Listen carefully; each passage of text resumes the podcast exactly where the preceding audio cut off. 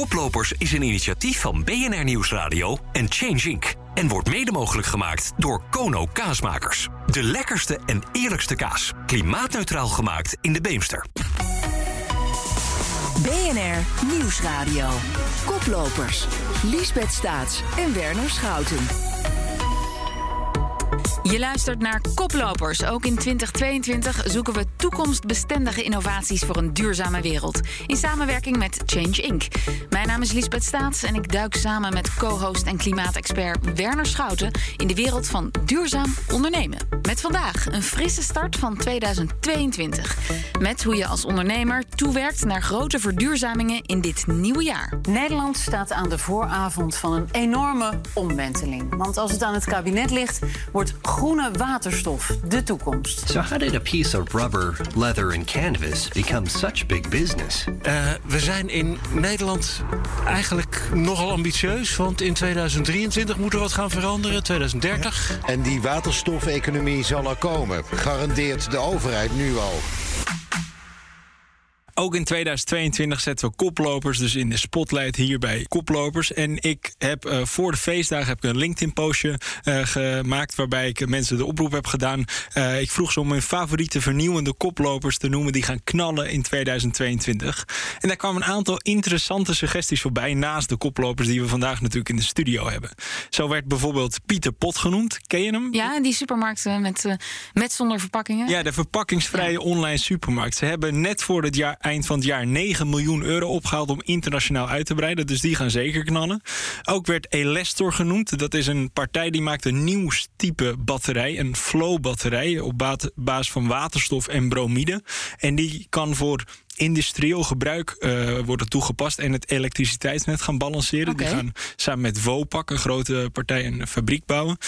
En de laatste ja, koploper, die uh, zeker ook genoemd moet worden, is niet echt een onderneming. Het is een beweging van bedrijven, namelijk B Corporation. Dat is een, een beweging van ondernemers die. Um, ontzettend duurzaam en sociaal uh, zijn. Volgens Paul Polman, voorheen uh, CEO Unilever, is dat de Champions League van duurzaamheid. En die worden dus elk jaar getoetst of ze nog wel zo duurzaam en sociaal zijn, onafhankelijk. En is dat een soort brancheorganisatie? Ja, je, kan het, je moet echt als een beweging zien. Dus gewoon een, een partij die gaat toetsen van... hey, mogen deze bedrijven zich nog een B Corp noemen? En dat mag alleen als ze aan de hoogste standaarden voldoen. Dus ja. ja. ik zou zeggen, we hebben er nu 90 in Nederland. Laten we ervoor zorgen dat veel meer ondernemers zich daarbij gaan aansluiten. En dat rijtje, wat jij dus uh, ving op uh, LinkedIn... Uh, heb jij gekeken of, of dat echt duurzaam was? Heb je daar zelf ook naar gekeken? Of dat ze niet aan greenwashing deden? Zeker. Niet elke suggestie van mijn LinkedIn-volgers heeft de uitzending ook gehaald. Oh, kijk, heel goed. Het eerste initiatief dat ons in dit nieuwe jaar inspireren ligt letterlijk aan onze voeten. Bij ons in de studio is David Uiterwaal. Hij is medeoprichter van het bedrijf Fast Feet Grinded. En hij heeft met zijn bedrijf de eerste schoenen-recycle-machine ontwikkeld. Want nog maar 5% van alle schoenen die dagelijks geproduceerd worden, wordt gerecycled. Welkom David. Dankjewel. Ja, hoeveel schoenen worden er eigenlijk weggegooid? Ja, uh, ontzettend veel. Je noemde het al. Uh, er worden 70 miljoen schoenen geproduceerd. Uh, dus daar worden er ook ont per dag. per dus dag? Worden er ook ontzettend veel weggegooid. en, en hoeveel, dat is haast niet te tellen of te meten. Nee. Jullie, jij en je compagnon zitten nu in de schoenen recyclebranche. Maar dat is een bepaald niet jullie achtergrond. Waar kennen jullie elkaar van? Uh, wij hebben een achtergrond als uh, mariniers. Uh, we zijn samen ooit in dienst gegaan, zoals dat vroeger moest. en ja, we zijn eigenlijk ook goede vrienden. Dus we hebben altijd samen onder, ondernemen, ondernomen. en op basis daarvan zijn we ook in de schoenen ja, terechtgekomen. We altijd in de sportbranche blijven zitten. dus sportwinkels, we zijn leverancier van Defensie en Justitie. Dus we meten ook schoenen aan, maar die nemen we ook weer terug in. En daar is eigenlijk het verhaal begonnen. En wat, hoe is die recycle-branche dan ontstaan? Ja, uh, de, de recyclebranche bestaat natuurlijk al. al ja, maar jouw, jouw schoenen recycle-activiteiten bedoel ik? Uh, ja, mijn collega Danny Pormers kwam een keer op een leveranciersdag van, uh, van Defensie. En daar werd eigenlijk vijf jaar of zes jaar geleden gevraagd: van joh, wat doen we eigenlijk aan duurzaamheid? Of wat doen jullie als, als, als ondernemer aan duurzaamheid? En toen zakte de vraag langzaam in, behalve ledverlichting en, en een auto op elektriciteit, wat toen nog in de kinderschoenen stond. ja, daar begon het mee. en toen gingen we nadenken over, joh, al die schoenen die we leveren, als we die ook weer eens terug gaan nemen. Uh, wat, wat, wat gebeurt er dan mee? En, en is daar vraag naar? En uh, dus zo zijn we begonnen. En hij heeft hij mij gebeld. Uh, en je moet me even helpen met een dingetje. Kijk. En, en als je zoiets nieuws organiseert, heb je dan wat aan je achtergrond als korps mariniers? Nou, ja, natuurlijk het ondernemen op zich doe je op een, op een manier eh, die je geleerd is. Hè. De, Namelijk? Het is, het is, natuurlijk een harde training. Er vallen er een hoop uit. Er blijven er maar een aantal over. Zeker in, eh, als ik praat over 30 jaar geleden. Doorzettingsvermogen? Ja, onder andere. Maar ook het manier van leiding geven. De manier hoe je dingen benadert. Uh, dichte deuren. We, komen, we lopen natuurlijk tegen heel veel dichte deuren aan. die kennen we niet zo heel erg. Dus gaat het niet linksom. Die rammen jullie in. Maar dat doet iedere ondernemer denk ik wel. dus dat is niet specifiek. Maar ja, we, we zijn wel gewend om even door te pakken. Ja, en jullie zitten dus in de, in de hoek van het recyclen van schoenen. En toen ik dat hoorde, dan ging ik direct googlen en... Ja, ik was van verbaasd, maar er zijn maar heel weinig initiatieven rondom het recyclen van schoenen. Terwijl het toch wel ja, voor gevoelsmatig een beetje voor de hand ligt. Hoe kan het dat er zo weinig daarop gebeurt? Ja, recyclen is een groot begrip. Uh, en wat versta je onder recyclen? De definitie van het recyclen is natuurlijk groot. Uh, en wij hebben gekeken van je moet niet. Er wordt natuurlijk heel veel ingezameld om weer door te kunnen verkopen. Het is natuurlijk een gigantische markt die de grens overgaat, Oost, Oostblok, Afrika. En daar wilden we eigenlijk wat aan doen, want dan verplaats je de berg. En die, die schoenen komen nooit meer terug. Dus we wilden daarvoor zorgen. En, en naarmate dat we erin, want ze waren niet zo groen, want daar denk je niet over na. Maar naarmate we erin doken, zagen we eigenlijk wat er aan de hand was. En dan moet je wat doen. Maar zijn schoenen zo moeilijk te recyclen dan dat er nog niks op uh, gedaan wordt? Ja, de productie is natuurlijk vooral in Azië. Uh, en daar denken ze niet zo ver nog als dat wij graag willen. Dus de, de grondstoffen worden natuurlijk ook vooral daar gecreëerd. En daar wordt niet nagedacht over waar is die schoen van gemaakt. Uh, nee. Kunnen we dat weer terugbrengen naar een, naar een schoen? Kijk, ik heb twee oude schoenen meegenomen. behoorlijk afgetrapte zwarte gimpen van een bekend sneakermerk. Uh, stel, nou je mag ze hebben trouwens, maar als jij dit in jullie recyclemachine stopt, wat gebeurt er dan mee? Nou ja, uh, ten eerste, de machine hebben we uh, eigenlijk ooit ontworpen. Het is begonnen met hele kleine stapjes. Eerst met, met de hand uit elkaar halen, koken in water. Uh, koken? In, in, magnetrons, kijken wat er gebeurt. Een schoen is natuurlijk gelijmd, dus we wilden die lijm oplossen. Want onze basis was, als we die schoen van tevoren al kunnen verdelen in onderdelen... wordt het makkelijker om ja, die onderdelen ook weer terug te brengen in de keten. Want dat is eigenlijk altijd het doel geweest, van schoen naar schoen. Ja. dus we zijn, ik hoorde je net iets zeggen over greenwash. Er zijn natuurlijk heel veel initiatieven die teruggaan naar uh, van een schoen van appelleer. Maar het wordt nooit geen appel meer. Dus ben je dan circulair of ben je dan een oplossing aan het zoeken voor iets? En is dat dan de oplossing? Maar dit, dus als deze oude gimpies met jou meegaan, dan komen ze terug als nieuwe schoen. Ja, een onderdeel van een ja, nieuwe schoen. Ja, ja, ja. Uh, we, hebben, we hebben onder andere een, eigen merk gecreëerd, het merk Veteran, waarbij we dus, uh, om een beetje reclame te maken, uh, dat, dat, is niet de bedoeling overigens, maar we wilden graag laten zien dat onze machine echt doet wat, die, wat we zeggen dat hij doet. En dus de schoen gaat in de machine met alle andere schoenen. We zeggen ook altijd wel eens other brands waste, want je kan niet zeggen we doen alleen maar de merk A, merk B, merk C. dus, dus we gooien alles bij elkaar en dan doet de machine zijn werk. Er zit een aantal patenten op de machine waarbij dus er iets magisch gebeurt. Ah, dat ga je vast niet vertellen nu. Uh, jawel hoor, als je even hebt. Ja. maar maar dat, helaas, maar kun je, kun je kort zeggen wat er, wat er gebeurt? Wat, wat het zo uniek ja, maakt? Ja, eh, eigenlijk nogmaals, om terug te gaan naar wat we ooit bedacht hebben... is dat we die schoen uit elkaar trekken in plaats van schredderen of versnipperen. En door het uit elkaar trekken houden we eigenlijk die lange vezels. Je ziet die bovenwerken, dat is eigenlijk een, ja. geweven materiaal. En die houden we dan, waarbij we de middenzool en de, de oudsole, de rubberzool, van elkaar scheiden. de lijmen moeten er vanaf, want dat is eigenlijk geen chemisch. Uh, en de, die wil je niet in je verdere proces. Dus dat doet onze machine door een bepaalde temperatuur, uh, hitte, wrijving. jullie hebben dan zo'n ontwikkeling, hè? En dan kom je bij de industrie die nu de schoenen maakt. Hoe reageren die, de Adidas en de Essex van deze wereld? Ja, in eerste instantie enthousiast. We zijn uh, uh, in een traject geweest van Fashion for Good hier in Amsterdam. Uh, daarmee hadden we ook toegang tot die industrie. We waren een van de Nederlandse bedrijven die daar met succesvol doorheen waren gelopen. Dus je komt daar bij de CNA's en de Adidas inderdaad en de Essex. en die vinden het heel erg interessant. Maar hoe ga je er dan op grote schaal doen? Want dan praat je over tonnen en niet meer over kilo's aan materiaal. En dat maakt het lastig. En helpen ze jullie daarbij? Of? Ja, ja, ik moet eerlijk zeggen, ook, de, ook het merk wat jij bij je hebt, helpt ons daarbij. We hebben in eerste instantie een, een product gezocht. Onze doelstelling is eerst een, een oplossing aan de achterkant bedenken. voordat je aan de voorkant iets begint te recyclen. Dat schort er ook nog wel eens aan. Uh, dus uh, we hebben uh, begonnen met vloeren, kinderspeelplaatsen. Dat is waar je de sp spullen in gebruikt, zeg onder maar, andere, onder andere, omdat de schoenenleveranciers zijn nog niet zo ver om het echt weer terug te brengen in de schoenen. En ook de consument is nog niet toe aan een duurzame schoen. Maar tegelijkertijd toch even, hè, we produceren 25 miljard schoenen per jaar, heb ik maar laten vertellen. Voelt dit dan niet ook een beetje als, als dweilen met de kraan open? Want we, we, komen, krijgen nog steeds zo'n grote hoeveelheid nieuwe schoenen elk jaar erbij, die we nauwelijks maar kunnen beteugelen. Ja, we hebben een onderzoek uh, gezien dat uh, iedere Nederlander 12 paar schoenen ongeveer in zijn ja. kast heeft staan. Is het dan niet effectiever om juist in te zetten op schoenen die langer meegaan, minder snelle opvolging van fashion trends, et cetera? Uh, ja, in het recyclen, om het dan toch maar recyclen te noemen, zie je natuurlijk dat je te vaak te maken hebt met wat er al gebeurd is en niet met wat er gaat gebeuren. Dus we zien wel dat de trend in het maken van die schoenen anders aan het worden is. Dus heel veel knitted uppers, dus gebreide bovenwerken. en dat zal wel de toekomst gaan veranderen. Maar we hebben natuurlijk te maken met alles wat we tien jaar geleden al op de afvalberg gooiden. Dat komt nog steeds bij ons voorbij. De schoenen die ik hier zie staan. Uh, die zijn ook niet van. Uh, die zijn ook niet van gisteren. Kijk, nee, plat precies, aan. Precies. En met die knitted uppers, die gaan dan, die kunnen wel uh, makkelijker hergebruikt worden. Beter en makkelijker. Hè. Dus het, en daarbij komt ook dat we, omdat we zelf retailers zijn, we hebben een Runners World winkel, wilden we ook een, een traject hebben waarbij de consument weer terug naar de winkel komt. Hè. De, vijf jaar geleden was online natuurlijk heel erg in opkomst. dus die klant dwing je met die schoenen zoals jij ze nu vast hebt de winkel in te komen. Dan kan die ondernemer ze beoordelen. Zeker running. Uh, en dan kun je zeggen, joh, je loopt op die op die manier. Je kan beter deze schoenen aan gaan doen. En laat die oude schoenen hier. Dus dat is ook een project dat we graag wilden invullen. En uh, het is uh, 2022. In deze uitzending kijken we vooruit naar het komende jaar. Waarom wordt 2022 voor jullie een bijzonder jaar?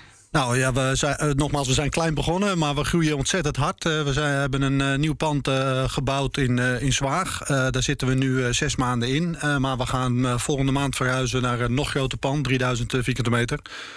waarbij we dus heel veel aanvoer hebben van de schoenen. Dat is gigantisch. Maar ook de afname is ook gigantisch. Dus we moeten groter. Hoeveel schoenen gaan jullie recyclen? we gaan er 480.000 kilo per jaar doorheen doen in eerste instantie. En dan eind volgend jaar de volgende machine. Kijk. David Uiterwaal, dankjewel voor je toelichting. En uh, hier zijn mijn schoenen. Neem ze mee. Dankjewel de schoenen recycle machine. Wat ik altijd leuk vind, is zoals in het geval van David... die heeft een hele andere achtergrond. En dat hebben we vorig jaar ook een paar keer gezien in de uitzendingen. Uh, iemand in de koffie-industrie, een boerin die er een totaal andere achtergrond had. Die nemen kennis mee van een andere, andere sector... en zijn dan lijkt wel extra gedreven in die duurzaamheid. Ja, die passie die spat er dan vanaf. En dan zit die duurzaamheid ook in de kern van de organisatie. Want ja, het recyclen van schoenen gebeurt niet veel... maar Nike die schijnt dat wel te doen. Maar daar is het echt heel twijfelachtig wat ze nou doen met die uh, recyclaten, die uitkomsten van dat recycleproces. Maar daar hoef je bij David natuurlijk niet over te twijfelen. Nee, dat is super transparant. Ja, ja en ze is zo, zo gemotiveerd. Onze tweede gast heeft grootste plannen voor het bouwen van enorme waterstoffabrieken dit jaar. Marcel Gallier is managing director bij het bedrijf HiCC, Hydrogen Chemistry Company. HiCC gaat samenwerken met onder andere Tata Steel en de haven van Rotterdam. Welkom Marcel. Dank. Ja, want HiCC bestaat nu ruim twee weken. Meteen een diepte-interview, dat is een hele mooie start. Maar jullie hebben al wel de nodige ervaring met waterstof, toch? Nou, we hebben al hele lange ervaring, dus het voelt ook als een hele verse start, uh, maar tegelijkertijd met heel veel ervaring. We zijn uh, afkomstig uit een bedrijf Nobian en dat heeft al 100 jaar ervaring in elektrolyse, het hart van het proces. Heeft heel veel ervaring in het transformeren van elektriciteit in elektronen en ook het produceren van waterstof. En de projectportfolio die wij nu ook hebben met HiCC uh, is afkomstig uit Nobian en hebben, ja, daar zijn we al jarenlang mee aan het werk. Alleen gaan we nu onder de naam HiCC mee verder. Ja, want jij zegt elektrolyse, dat is het proces waarmee je waterstof uit water maakt met elektriciteit, toch? Dat is uh, gewoon de, de, de scheikundeles anode en kathode in het water en dan komt er waterstof en zuurstof vrij. Je hebt heel goed opgelet met scheikunde. Ja, dat Mijn is scheikundeleraar is trots op mij. Zeker. Maar dan nog even een vraag, want wat maakt HiCC dan anders dan jullie vorige bedrijf? Nou, wat wij nu doen als, uh, als Nobian, wij zijn uh, zoutmijningsbedrijf. Dus wij halen zout uit de diepe aardlagen van de, uh, van de ondergrond in Nederland en in Denemarken. En daar doen we eigenlijk hetzelfde mee. Dus dat lossen we op in water. Dan heb je zout, natriumchloride, je hebt water, H2O. Die twee breng je bij elkaar. Dan heb je pekel. En daar zet je dus ook heel veel elektriciteit op, op de manier zoals net omschreven. En dan splits je dat in chloor en natronloog en waterstof. En dat doen we grootschalig al nu met groene elektriciteit. En al die producten zijn de basisproducten voor de Nederlandse chemie. Gaan in plastics, gaan in desinfectiematerialen, gaan in. Uh, nou ja, je kan bijna niet verzinnen welke onderdelen van de Nederlandse economie het niet ingaat. En ja, dat is ook de ervaring die we nu meenemen in dit bedrijf. Maar jullie zijn uh, nou, groen gedreven, zou ik maar zeggen. Ja. Um, maar waterstof wordt tot nu toe vaak meestal op basis van aardgas gemaakt. Want dat is makkelijker en goedkoper. Maar hoe kunnen jullie dan nu al op basis van groene energie die waterstof gaan maken? Nou, op dit moment is die waterstof die wij in onze huidige producten maken, is het, is eigenlijk het bijproduct van de chloor- en de natronloog. Daarmee produceren wij ook die waterstof. Maar wat we hier gaan doen is hè, water splitsen in zuurstof en waterstof. En het is inderdaad zo dat het alternatief van uh, waterstof maken, uh, komt voor nu een belangrijk gedeelte uit aardgas. Je kraakt het aardgas, je laat de CO2 de lucht ingaan. En je houdt de waterstof over om een raffinaderij in te gaan, om kerosine te maken of allerlei brandstoffen voor scheepvaart of voor uh, andere vormen van mm -hmm. mobiliteit. En dat gaan jullie nu dus doen met, met groene energie. Dat klinkt natuurlijk tof, wie, daar kan niemand op tegen zijn. Maar je hebt me wel laten vertellen dat dat nog wel drie keer zo duur is als waterstof uit aardgas winnen, zoals eigenlijk nu wordt gedaan. Hoe, hoe ga je dat naar beneden brengen? Ja, voornamelijk door schaal te creëren. En dat is ook precies waarom we deze portfolio zo opgebouwd hebben. Maar drie keer zo duur is wel heel veel. Ja, maar kijk even naar offshore wind. Hè. Als we daar enige jaren geleden kijken, in de beginfase van offshore wind, was dat ook meer dan drie keer zo duur dan uh, eigenlijk elke andere vorm van elektriciteitsopwek. Maar juist door het creëren van schaal, en gelukkig niet alleen in Nederland, maar door de hele wereld, zie je dat we met elkaar in staat zijn om die kosten naar beneden te brengen. En laten we ook niet vergeten, die CO2-uitstoot is ook niet gratis. Dus het alternatief, het kraken van aardgas, waarmee je de CO2 de lucht in laat gaan. Ja, daar willen we vanaf. Kijk naar het regeerakkoord. Kijk wat we uh, mondiaal, maar ook in Europa hebben afgesproken. We hebben gezegd dat we echt op een andere manier onze economie willen vormgeven. En dat is precies. Ja, misschien wij... dat er ook wel een subsidietje voor waterstof in de pijplijn van de overheid zit? Of? Nou, wel meer dan een subsidietje. Als okay. je kijkt naar de, de, de, het regeerakkoord op dit moment, dan zie je dat er voor 35 miljard een klimaatfonds wordt opgericht om de transitie van de industrie door te maken. Er is een 15 miljard pot gereserveerd om uiteindelijk ook te kijken naar hoe ga je. Waterstof is één van de oplossingen daar, maar uiteindelijk de duurzame moleculen creëren. Elektriciteit is hartstikke, nou, relatief makkelijk. Hè? Je zet windmolens bij, zonnepanelen en dat klinkt heel eenvoudig. Maar de echte uitdaging in de, in de klimaattransitie is echt de moleculenwereld ja. waar we aan het begin staan. Maar dit kost natuurlijk een heleboel energie. Jullie hebben grote plannen, plannen voor 200 megawatt elektrolyzers. Maar Nederlandse energie is nog lang niet altijd groen. We hebben nog veel aardgascentrales. En ja, we, we schalen op met wind en zon. Maar betekent, moeten we dan niet eigenlijk nu gewoon richten op gewoon dat heel snel verduurzamen. In plaats van dat we nu ook nog onze elektriciteitsvraag gaan verhogen. Want dan moeten die gascentrales eigenlijk alleen maar harder draaien. Willen we meer waterstof produceren. Ja, helemaal eens. En daarom ben ik ook zo blij met het regeerakkoord. Omdat daar echt een additionele opgave in zit om verder op te schalen op het gebied van wind offshore. Maar, maar is, het ook, is het ook zo, het wondermiddel waterstof, zoals het soms gepresenteerd wordt, welke rol speelt het in de energietransitie? Nou, het is een enabler van een heleboel uh, uh, eigenlijk andere processen. Willen we duurzaam staal maken? Willen we duurzame kerosine maken? Of andere vormen van brandstoffen?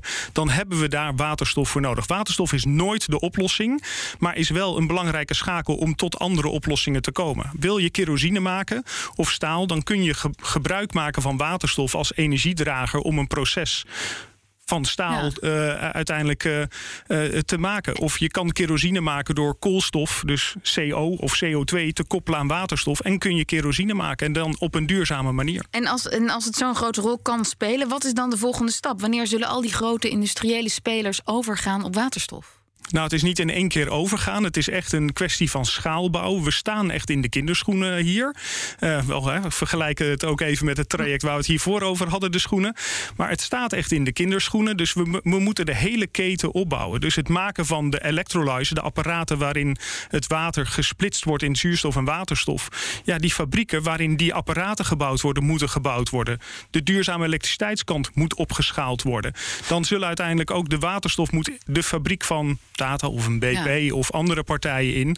En ook dat gaat niet in één keer. Dus maar dat willen jullie vooral in Nederland doen, hè? De, de groene energie opwekken en ook die waterstof creëren.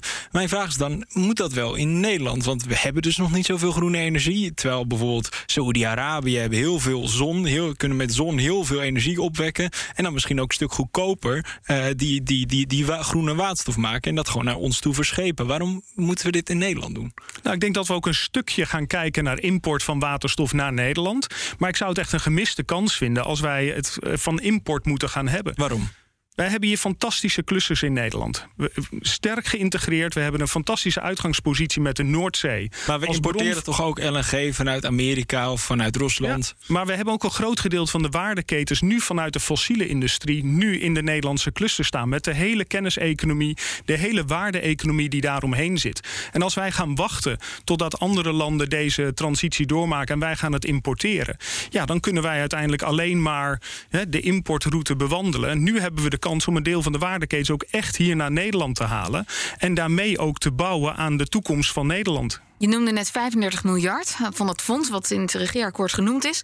Um, ja, dat is veel geld. Daar kunnen veel uh, mensen van mee eten. Uh, zie je hele concrete kansen voor andere ondernemers om met deze waterstofontwikkeling uh, mee te doen en ervan te profiteren? Ja, kijk, het mooie van deze transitie is dat dit is een transitie die doe je niet alleen. Als ik kijk even naar waterstof, de schaal die wij kunnen creëren in de industrie zorgt ervoor dat waterstof ook in andere toepassingen competitief wordt. Dus voor het vervoer van auto's, vrachtauto's, scheepvaart, luchtvaart. Dus je hebt het echt over een transitie niet van één fabriek waar wat waterstof ingevoed wordt, maar ook de maakindustrie niet te vergeten. Wij zijn heel krachtig in de maakindustrie hier in Nederland. Mm. Dus op het moment dat wij ook die koploperspositie met elkaar willen pakken. Dan kunnen we niet alleen maar zorgen dat we die waterstof hier maken, maar ook een deel gaan uitmaken van die toeleverende keten. En daar liggen volgens mij enorme kansen voor de BV Nederland. Dat zijn kansen, maar blazen we daarmee ook de potentie van waterstof niet een beetje te veel op? Want er gaat ook energie verloren bij het maken van waterstof. En, en uh, vrachtwagens die je noemde, die kan je op waterstof laten gaan, maar dan kan je op, ook op elektriciteit laten gaan. En is het een stukje energie-efficiënter. Ja, er zijn zeker plekken waar, uh, waar elektriciteit de beste optie is. Maar er zijn ook plekken waar, waar elektriciteit niet de beste oplossing is. En waar op dit moment waterstof een heel goed alternatief is en wij dat kunnen bieden. Dan moeten we dat goed gaan aftasten. Zeker. Dankjewel, Marcel Gallier van High CC. Ik was heel blij, Werner, dat jij het scheikundedeel in deze uitzending voor je rekening nam. Dankjewel. Ik had een déjà vu aan mijn scheikundeles op de middelbare school. Die is vast trots op jou nu. Um, want ik vind het best moeilijk te volgen, omdat dat niet mijn achtergrond is. Is zo'n energietransitie, als het over waterstof gaat, kan ik, ja, is dat moeilijk te visualiseren? Ja. ja, en dat is het interessante. Die industrie is de grootste uitstoot van Nederland. 50 miljoen ton, nog wel meer. Um, maar die zien we eigenlijk niet in het dagelijks leven. Het is wel heel belangrijk dat hieraan wordt gewerkt en dat we ook scherp op zijn of het wel daadwerkelijk duurzaam is. En dit was Koplopers. Dank voor het luisteren. Je kunt deze uitzending terugluisteren via de BNR-app en bnr.nl. Maar natuurlijk ook op je favoriete podcastplatform. Koplopers is een initiatief van BNR Nieuwsradio en Change Inc. En wordt mede mogelijk gemaakt door InvestNL Impact Investors. Wij maken morgen mogelijk.